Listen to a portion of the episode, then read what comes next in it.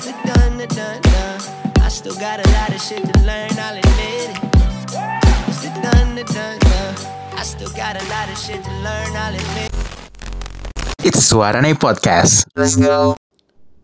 Selamat datang di Suaranya Podcast episode 2 Unpopular Opinion Oke baik Kali ini um, Topik yang kita bahas ini Bisa dibilang topik yang unpopular opinion Topik yang side stream Topik yang kurang atau tidak populer Nah unpopular opinion ini sendiri Apa sih?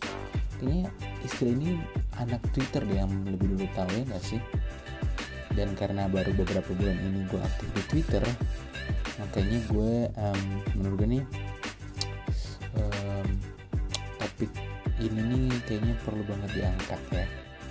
Meskipun mungkin um, sama lah kayak istilah-istilah pada umumnya yang berkembang saat ini um, pengertiannya itu kita udah tahu dan sudah terjadi dari udah udah lama-lama banget. Tapi kita ist kayak istilah yang didapatkannya ini istilah unpopular opinion ini baru ketahuan sekarang gitu baru muncul sekarang gitu unpopular opinion itu.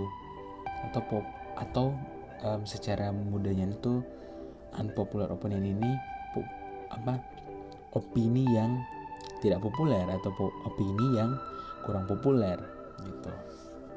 Tapi sebagai seorang podcaster yang um, bertanggung jawab dan um, seenggaknya ada isinya gitu di kepala ya jadi gue harus melakukan yang namanya observasi yang kecil-kecilan. Sehingga berdasarkan hasil yang gue googling tadi unpopular opinion ini sendiri tuh artinya opini yang berbeda dari kebanyakan orang. Emang biasanya opini yang side stream lah. Kalau istilah yang top tahun lalu side stream opini yang side stream opini yang um, anti mainstream lah ya kalau yang kita ketahui dulu ya istilahnya. Nah sedangkan kalau kita lihat dari di urban dictionary atau kamus urban yang ada di internet tuh urban dictionary itu bilang unpop unpopular opinion ini sendiri tuh the act of ranting about your opinion but at the same time knowing nobody cares yang kalau diartikan artinya ini adalah um, kegiatan atau tindakan yang apa ya ranting ya tadi. Uh, menertawakan diri sendiri atau kayak ngomel ya. Ngomel the act of ranting the act of ngomel tindakan um, di mana lu mengomel tentang opini lu opini lu sendiri tetapi saat itu juga lu merasa atau saat itu juga nggak ada yang peduli sama lu. Atau bisa dibilang nih istilah gampangnya nih bisa dibilang unpopular opinion menurut Urban Dictionary ini. Um, lu ngomel nih soal opini lu pribadi tetapi di saat yang bersamaan gak ada yang peduli sama tindakan lu itu. Agak bodoh ya emang ya agak stupid ya kalau kata-kata anak sekarang ya. Tapi ya itulah yang dimaksud dengan unpopular opinion menurut Urban Dictionary berdasarkan asumsi gue. Itu gue yang mengartikan ini. Nggak tahu ya kalau yang kayak lu bisa tanya sih ke English Busters atau followers followersnya English Busters yang jago banget Inggris mungkin lu bisa mendapatkan arti yang sesungguhnya di balik unpopular opinion berdasarkan Urban Dictionary ini. Kalau nanti mereka yang terjemahin. Seperti itu. Oke okay, kita langsung ke topik utama kita. Kenapa gue membahas unpopular opinion ini? Karena buat teman-teman gue yang udah follow gue di Instagram yang udah temenan nama gue lama close friends close friends gue di Instagram udah pada tahu kalau beberapa waktu lalu gue udah sempat ngebahas tentang um, satu artikel di sebuah majalah ternama di Amerika sana yang diposting tahun 2009 kalau nggak salah. Nih artikelnya judulnya begini nih. Marvel rolls dice, casts no names for Thor. Jadi seperti yang kita bersama, kalau um, di tahun 2009, meskipun filmnya ini keluar tahun 2011 ya, tapi biasa kan dua tahun sebelumnya kayak studionya, pihak studionya ini udah gencar-gencar mencari siapa nih yang masuk di radar gue untuk meranin um, karakter penting gue dan karakter yang gue maksud ini seperti yang gue udah baca tadi di judul artikelnya yaitu untuk karakter Thor untuk film solo Thor tahun 2011 lalu. Nah, dari artikel yang gue baca ini sendiri, um, gue kaget loh kalau Shia LaBeouf sempat diincer buat jadi pemeran Thor-nya. Buset. Dari seorang Shia LaBeouf Transformers ya. Mau diincer jadi Thor. Wow. Baru tahu gue. Oke, okay, um, tapi yang menarik di sini nih yang perlu digarisbawahi di mana ditulis kalau ada kata no names-nya nih. No names-nya. Kayak nggak terkenal nggak sih? Kayak orang-orang nggak ada yang tahu gitu. Karena setahu gue di 2009 ini si Chris Hemsworth ini masih belum seterkenal sekarang. Orang-orang cuma tahu dia tuh karak mohon maaf bukan karakter orang-orang tuh cuma tahu dia dia itu pada waktu itu di tahun 2009 cuman pem, apa aktor asal Australia yang punya peran di film Star Trek gitu masih belum terkenal sekarang. Makanya ini nih artikelnya agak gimana ya? No names loh. Kayak seolah-olah di sini mau dibilang Marvel rolls dice. Marvel tuh kayak apa lempar dadu gitu. Kayak istilahnya masih agak gambling gitu lah ya istilah kasarnya tuh. Kayak masih taruhan nih aduh gue apa ngecast Thor gue pilih Thor buat me, eh maksud gue gue ngecast Chris Hemsworth buat jadi si Thor kayaknya ini agak gambling gitu tapi ya udahlah ya. Mungkin saat itu juga gue nggak tahu detailnya tapi menurut gue kayak oke okay, ini aktor ini punya potensi dan bayarannya ini lumayan. Bayaran ini nggak terlalu mahal jadi why not gitu kita nge dia kita hire dia buat meranin um, karakter Thor ini namun um, setahu gue juga karena di artikelnya ini ada fotonya Loki juga ya yang diperanin sama Tom Hiddleston. Nah saat itu juga nih Tom Hiddleston juga orang-orang Amrik nih kalau kata gue nih masih melihat kalau sosok Tom Hiddleston ini cuman aktor sebatas aktor um, British gitu ak aktor London aktor Inggris gitu kayak kalau sekarang Tom Holland gitu yang belum ter terkenal sekarang terus tiba-tiba wah jadi sosok Loki. Nah ini terbukti sih sekarang. Kalau teman-teman lihat kan ya dari 2009 ke 2019 udah 10 tahun kurang lebih ya. Bisa dilihat kalau sosok Thor ini sudah melekat di, di diri seorang Chris Hemsworth. Begitu juga sosok Loki yang diperankan oleh Tom Hiddleston kayak udah melekat di mereka gitu bahkan banyak fans Marvel nih di luar sana yang gue lihat di Instagram maupun di Twitter kayak wah senang banget akhirnya Loki ini nih Avengers gitu bisa dibilang. Bukan villain gitu. Karena kalau lihat kehidupan pribadinya Loki sedih juga sih sebenarnya. Oke oke okay. maaf udah melenceng dari topik kita guys. Um, kita balik lagi. Jadi mungkin lu juga udah pernah tahu tapi mungkin sebagian juga belum tahu kalau sebenarnya si Tom Hiddleston ini sendiri udah sampai ke tahap screen test untuk memerankan sosok Thor. Tapi gue belum baca artikel lengkapnya kenapa um, ujung-ujungnya Marvel memilih Chris Hemsworth. Tapi tepat sih karena Loki emang eh, cocok di dan tepat menurut gue diperankan sama sosok Tom Hiddleston ini. Oke okay, jadi terbukti kalau artikel tersebut salah ya. Mungkin memang pada saat itu um, ketika kita diperhadapkan, kalau gue juga jadi jurnalisnya gue juga nggak tahu kali ya mungkin deadline dari kantor atau pemretnya mungkin bilang wah ini suruh nih buat diberitain. Tulis dah tulis dah. Siapa nih? Kita nggak kenal nih Chris Hemsworth. Kita nggak kenal Tom Hiddleston. Tiba-tiba Marvel buat um, film nunjuk orang yang atau aktor yang kita nggak kenal nih. Dan bersyukur kita harus berterima kasih kepada sosok Sarah Haley Finn ya Marvel casting director gila kalau nggak ada dia kita nggak bisa melihat Chris Hemsworth, Chris Evans, Tom Hiddleston, Robert Downey Jr. bahkan oh sedikit fun facts asalkan kalian tahu nih um, ternyata sebelum Robert Downey Jr. gue baca nih ternyata um, karakter Iron Man ini sempat ditawarkan ke siapa namanya Tom Cruise namun sayangnya tapi agak bersyukur juga sih Tom Cruise ini menolak gara-gara dia baca skripnya katanya dia nggak suka. Dari yang gue baca itu sih kata dia dia nggak suka sama skripnya makanya dia tolak.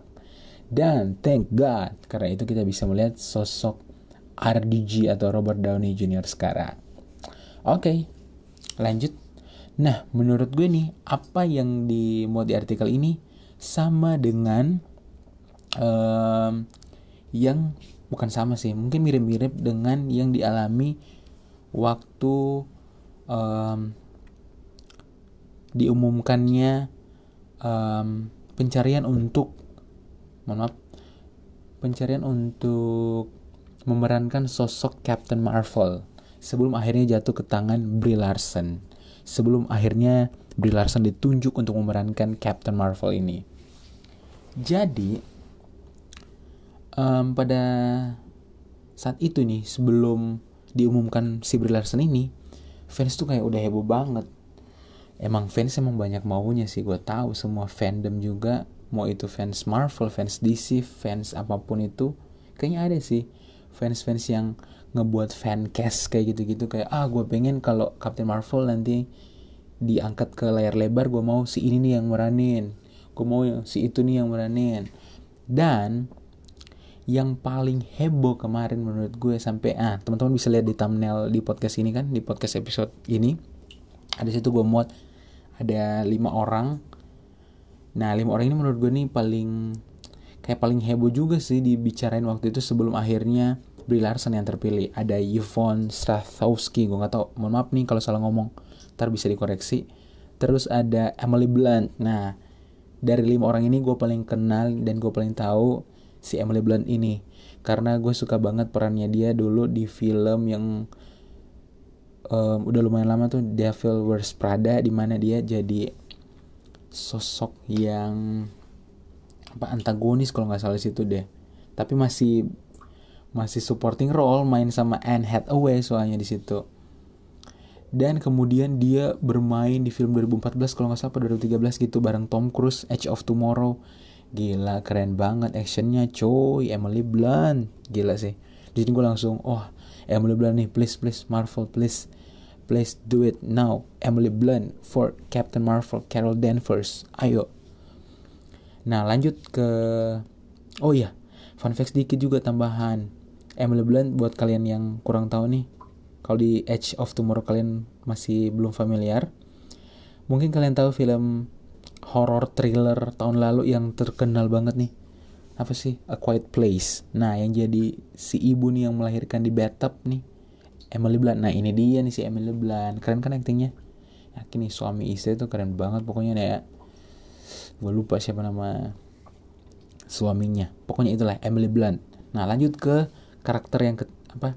Mohon maaf aktris yang ketiga nih yang digadang-gadang nih jadi fancast kayak fans juga pengen ah dia nih yang cocok nih Charles Theron. Buat kalian yang belum tahu Charles Theron ini gue sih kenal dia kayaknya semua pada nonton sih film-film jadul kayak Aeon Flux atau mohon maaf kalau gue salah. Tapi itu aktingnya keren banget sih actionnya gitu. Sama yang gue suka nih yang paling bener-bener gue wah gila Charles Theron nih orang keren banget actingnya tau nggak gue nonton apa? Gue nonton acting dia bareng Tom Hardy di film 2014 kalau nggak salah 2015 Mad Max Fury Road. Dia jadi si Furiosa atau siapa gitu namanya yang dibotakin gitu terus ada arang-arang gitu di matanya. Wah sumpah si Charles Theron gue langsung jatuh cinta di actingnya perannya pada saat itu. Meskipun dia potong rambut ya di situ ya meskipun rambutnya pendek gitu di situ tapi actingnya keren banget sama Tom Hardy. Wah the best. Nah terus senengnya lagi di tahun 2014 eh maaf 2018 apa 2017 ya? Yang The Fate and Furious. Kayaknya 2018 ya nggak sih? Apa 2017 pokoknya Fate Furious yang jadi penjahat yang blonde yang meras si Dom yang bikin si Dom jadi musuh atau melawan teman-temannya. Nah ini nih si Charlie Theron ini nih guys. Dan kalau kalian nih nonton film romcom yang lagi showing di bioskop sekarang Long Shot bareng Seth Rogen, nah ini dia nih si Charlie Theron. Nah gue sebenarnya suka juga nih ya kalau nggak Emily Blunt gue bilang ah Charlie Theron aja deh kayaknya cocok nih menurut gue cocok nih dia buat meranin sosok Carol Danvers. Tetapi setelah dilihat-lihat umurnya emang beda-beda tipis lah ya sama Emily Blunt. Agak tua juga sedangkan Marvel pasti untuk um, butuh sosok yang bisa diajak untuk film jangka panjang untuk kontrak beberapa film. Ini aja Carol Danvers eh maksud gue Brie Larson tanda tangan kontrak setahu gue nih ada 6 sampai 8 film kalau nggak salah. Dan udah dua film ya kan udah ada Captain Marvel dan juga Endgame kemarin.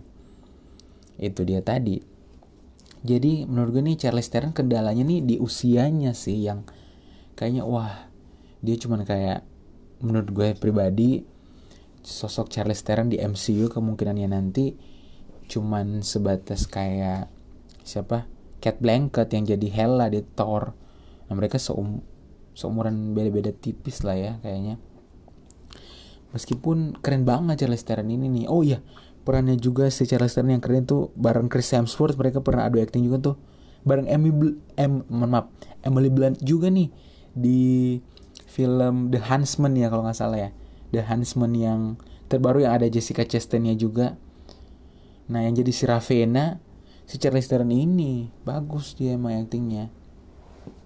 Mungkin bisa lah ya memeranin sosok villain lain atau sosok sosok anti hero lain di Marvel Cinematic Universe di fase berikutnya mungkin di film-film yang akan datang nanti kan masih sangat panjang ini MCU seperti itu jadi ya kak kalau emang udah Brie Larson ya kita nggak tahu lah ya.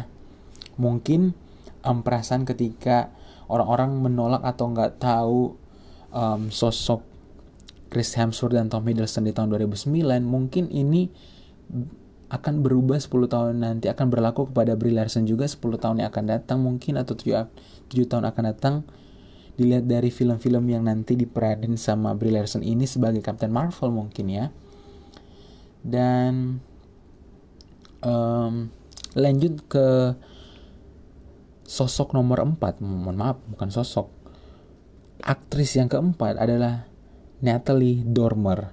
Sebenarnya kalau kalian lihat ya di thumbnail foto gue ini di bubbling yang warna hijau kalau nggak salah itu itu dia Natalie Dormer. Tuh looksnya tuh udah komik akurat banget loh menurut gue loh. Garangnya itu dapet cantiknya itu juga ada cantik-cantik cool gimana gitu. Tapi ya mohon maaf ini cuman unpopular opinion ya. Cuman opini dari gue yang kurang populer sebenarnya. Dari siapa gue gitu kan? Cuman fans Marvel yang low key istilahnya asik. Lah ya miskin lah ya. Nggak belum bisa belum mampu untuk beli merchandise-nya. Oke lanjut balik ke topik. Jadi saya Emily Blunt dan Charles Theron dan juga Yvonne Strahovski Natalie Dormer ini menurut gue juga sangat komik akurat seperti yang gue bilang tadi. Makanya gue sangat suka sebenarnya kalau dia menjadi Captain Marvel. Begitu tapi Marvel casting director juga lo mau apa lo? Ini Brie Larson menang Oscar nih. Jadi ya nggak bisa disalahin juga dan emang keren juga sih menurut gue Brie Larson aktingnya sama sosok yang terakhir itu Catherine Winnick. Catherine Winnick ini mohon maaf kalau gue salah sebut namanya ya Catherine Winnick ini buat teman-teman yang ngikutin Game of Thrones kayaknya udah kenal banget sih dia. Gue lupa lagi nama siapa di Game of Thrones. Pokoknya dia karakter di Game of Thrones yang menurut gue juga cukup komik akurat kalau dilihat ya untuk menjadi sosok Carol Danvers ini. Oke, okay, singkat cerita itu untuk um, sedikit fun facts atau trivia atau apa sih istilahnya ya. Untuk 5 fancast yang digadang-gadang untuk menjadi Carol Danvers waktu itu sebelum akhirnya congrats our Captain Marvel Carol Danvers diperan sama sosok Brie Larson. Tetapi masalah datang lagi guys, di mana ketika sosok Brie Larson ini ada ya gue follow salah satu um, selebgram salah satu selebgram um, bisa dibilang influencer juga. Nah gue nggak mau kasih tahu lebih detailnya lagi. Ntar um, pokoknya gue nggak mau hakimin dia karena gue yakin dan gue percaya setiap orang tuh punya perspektif yang berbeda-beda asumsi yang berbeda-beda berdasarkan pengalaman yang um, dia punya. Nah dia berpendapat kalau Bri ini nih looksnya masih kayak masyarakat biasa. Anjir gue bacanya waktu itu ke trigger dong. Untung ke triggernya gue nggak kepancing kayak emosi kayak langsung nge-reply story dia bilang oi oh lu nggak tahu nih lu tahu apa sih soal Marvel Cinematic Universe? Nah agak stupid juga nanti gue ya. Berhasil ntar ke trigger gue kalau dan menurut gue Brie Larson itu nggak perlu dibela ya nggak sih? Sosok Brie Larson yang udah menang Oscar ngapain dibela cuy? Dia saja udah bisa membela dirinya sendiri menurut gue nah di situ. Dan menurut gue nih Brie Larson ini sendiri tuh nggak apple to apple loh kalau membandingkan. Soalnya nih yang ngepost itu yang bilang Brie terlihat seperti um, masyarakat biasa di story berikutnya dia langsung wah langsung ketahuan nih dia banding bandinginnya sama Gal Gadot dong.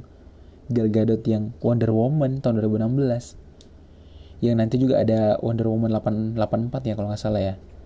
Yang musuhnya cita-cita gitu. Wah cantik juga tuh ya Kristen Wiig Kristen Wiig yang jadi musuhnya kayaknya seru juga sih bahas um, sosok-sosok yang dinilai komedian tapi merani sosok villain kayak si Kristen Wiig nanti di Wonder Woman 84 atau Wonder Woman 2 oke okay. cukup itu dari DC ya. Kita langsung ke balik lagi ke Marvel soal Brie Larson yang dibanding-bandingkan sama Gal Gadot. Menurut gue gak apple to apple karena ya Wonder Woman ya Wonder Woman. Dia tuh mohon maaf kalau gue salah. Kayak anaknya Dewa gitu sama Dewi. Dan emang penokohan sama cerita di komiknya tuh beda sensenya beda.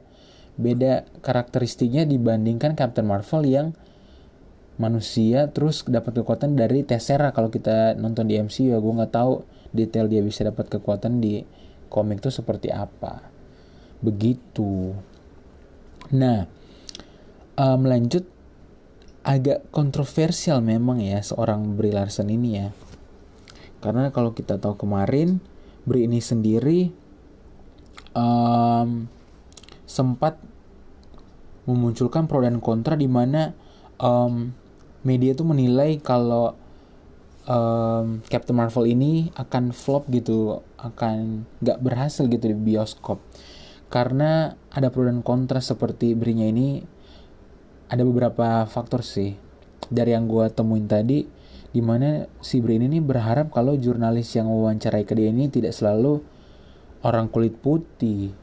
Dia berharap tuh yang wawancara dia itu bisa perempuan juga, bisa perempuan dengan orang warna kulit yang berbeda atau bisa juga orang-orang yang disable eh difabel mohon maaf orang-orang yang disabilitas atau difabel untuk mewawancarai dia. Jadi nggak melulu harus laki-laki dan di spesialisasi itu khususnya laki-laki yang berkulit putih. Makanya ini kayak memecah belah fans juga sih yang uh, gue nggak tahu mayoritas atau enggak tapi beberapa fans yang berkulit putih juga fans kulit putih Marvel juga atau mohon maaf fans Marvel yang kulit putih juga sempat ke trigger sempat kayak yang aduh gue kayak yang apaan sih gue nggak mau nonton lah.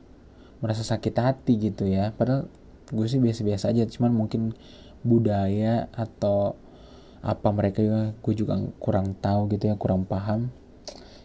Agak males juga ngebahas ini sebenarnya tapi uh, menurut gue ini unpopular opinion yang perlu teman-teman semua tahu juga gitu. Jadi biar kalau diajak ngomong juga nggak kaget nantinya.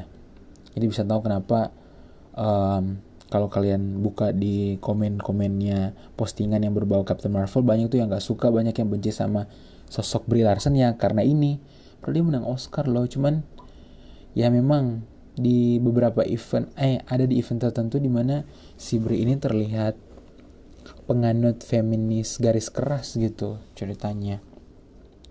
Nah kalau mau lebih lanjut mending teman-teman bisa googling sih. Soalnya agak sensitif juga cuy bacanya. Cuman ya sebagai fans Marvel alasan-alasan yang seperti ini nih menurut gue perlu kita tahu gimana kenapa sih orang-orang benci sama sosok Brie Larson ini sendiri gitu. Oke okay, nggak terasa untuk episode kedua ini emang agak sedikit lebih panjang dibandingkan dari episode 1 sebagai perkenalan. Mungkin teman-teman mau kasih masukan bisa langsung mention ke Twitter at wswt underscore dan juga di Instagram bisa DM gue untuk kritik untuk masukan untuk misalnya bilang wah oh, durasinya war um, terlalu singkat tambahin dong atau war durasinya kelamaan nih dipersingkat aja deh mending atau war bahas topik mohon maaf bahas topik ini dong jangan topik itu terus. Ya begitulah. Jadi bisa langsung kalau di Instagram di amwarane a m w a r a n e y. Oh iya gue lupa. Sebenarnya ada satu sosok lagi yang fancast tuh sampai udah bikin posternya kemarin. Ronda Rousey. Gue lupa. Ronda Rousey. Kalau kalian dia kalau nggak salah art apa um, atlet UFC ya? Kalau nggak salah ya. Kalau kalau gue salah koreksi gue. Kayaknya dia udah sampai yang bikin. Mereka sih lihat dia karena di satu momen tuh kan di komik Marvel Cap Captain Marvel ini ada gunting pendek ya kalau teman-teman nonton. Meskipun kalau teman-teman nonton Endgame yang udah nonton pasti lihat kalau Captain Marvel tuh dibikin komik akurat dari komik akurat dari segi kostum kostum baru terus dari rambutnya juga sangat komik akurat gitu menurut gue. Nah itu dia. Makanya si Ronda Rousey ini dia juga sering sih main film action Ronda Rousey bisa lah. Cuman ya kalau menurut gue pribadi mohon maaf nih. Uh, menurut gue pribadi Ronda Rousey kayak terlalu maskulin. Mohon maaf kayak terlalu laki banget. Mungkin karena dia atlet kali ya.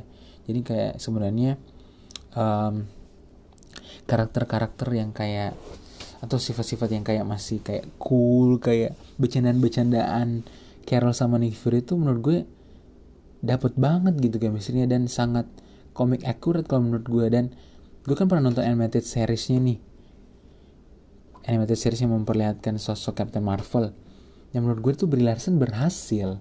Mungkin banyak orang yang masih meragukan karena mohon maaf kita lanjut lagi nih. Gue lupa gue harus bilang sesuatu ini ke teman-teman. Jadi mohon maaf kita nggak langsung akhir dulu mohon maaf ya. Agak labil gini. Jadi um, banyak yang benci juga sama Captain Marvel selain kasus kontroversial dia yang tadi. Banyak yang menilai kalau Captain Marvel ini nggak ada sosok kepemimpinannya. Kayak istilahnya juga mereka bilang ah Captain Marvel terlalu dipaksain dia masih baru. Kayak anak baru kenapa sih? Lah emang makanya karena dia baru jadi menurut gue kita tuh masih belum diperlihatkan gitu belum diperlihatkan kemampuan dia dalam memimpin kemampuan kayak acting dia maksud gue acting acting dia jadi leadership gitu. Soalnya nih kalau bisa bicara soal MCU ini selain kontrak daripada aktor dan aktris yang sudah pada habis seperti Chris Evans dan juga Robert Downey jadi nanti Panji atau oh, bukan panji apa sih bilangnya tongkat estafet untuk Marvel Cinematic Universe ini nanti akan diberikan atau dilanjutkan diteruskan oleh tiga Trinity berikutnya yang gue setuju sama fans yang bilang kalau tiga Trinity kalau di DC kan ada Wonder Woman, Batman, sama Superman. Nah kalau di Marvel nih kemarin kalau udah nonton Endgame ada Thor, Captain America sama Iron Man. Nah buat Trinity ini di MCU fase berikutnya udah pasti gue setuju sama fans yang bilang Doctor Strange, Black Panther, sama Captain Marvel.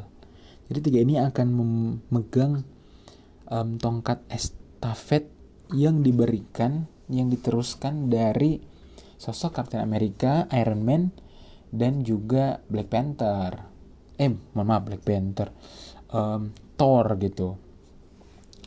Jadi meskipun kita udah lihat kalau shieldnya itu di akhir film Endgame dikasih ke Sam Wilson ya kalau nggak salah iya.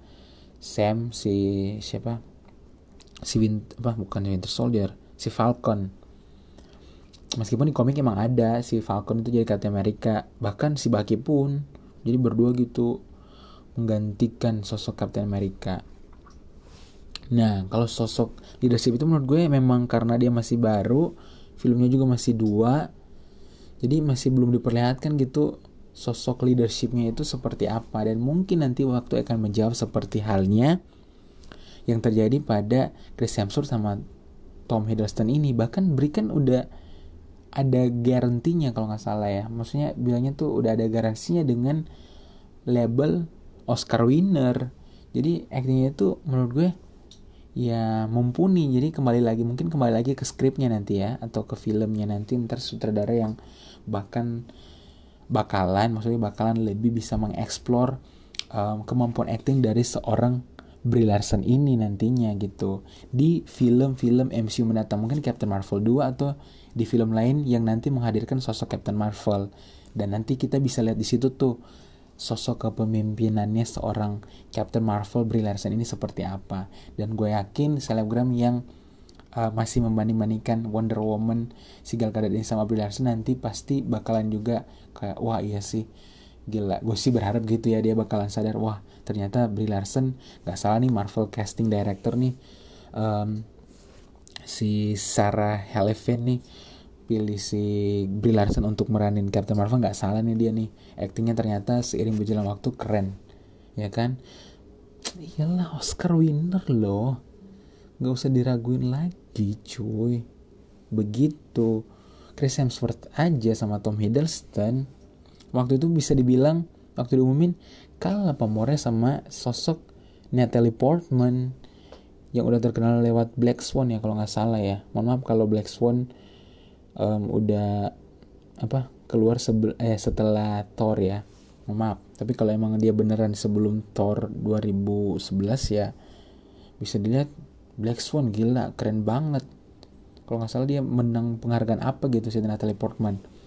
Nah, gue berharap juga gini apalagi sih Brie Larson gitu kan. Ya, semoga sih.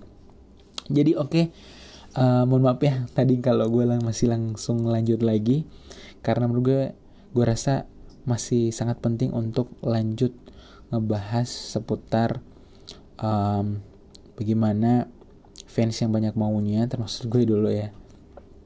Fans yang banyak menuntut yang kayak masih wah baru satu udah film tapi kayak masih mengkritik kenapa harus DC yang jadi ini kenapa harus DC yang jadi itu? Sementara ya kita lihat aja prosesnya skrip yang didapat jalan ceritanya. Gue yakin kok sutradara sekelas um, siapa? Sutradaranya um, Thor Taika Waititi ya. Mohon maaf kalau gue salah sering ketukar tuh namanya. Atau sutradara sekelas Joe Russo dan Anthony Russo. Ataupun sutradaranya Guardians of Galaxy James Gunn. Atau penulis skrip yang hebat-hebat yang Marvel punya pastilah. Gue yakin bisa membuat um, kemampuan berakting seorang Brie Larson bakalan lebih keluar lagi nantinya di film-film mendatang di Marvel Cinematic Universe. Oke, okay, so itu dulu pembahasan kita di episode 2 kali ini. Jangan lupa buat teman-teman yang belum follow, follow dulu Suara Suarane Podcast ini dan yang belum dengar mungkin bisa dengar dulu di um, episode 1 perkenalan singkat gue. Dan seperti yang gue janji nanti bakalan ada segmen di mana gue nanti um, istilahnya bakal nelpon teman-teman gue kita bahas satu topik yang lagi panas di media sosial dan gue mau tahu, udah gue pengen tahu banget perspektif mereka atau sudut pandang mereka tentang isu itu yang akan dibahas sesuai sudut pandang mereka seperti itu. Oke, ditunggu aja nanti. Yang pasti follow aja seperti gue bilang tadi buat um, gak ketinggalan update episode-episode terbaru dari Suara Nih Podcast ini. Oke, sekian ini dulu. Sampai jumpa di podcast podcast atau di episode-episode berikut. Thank you.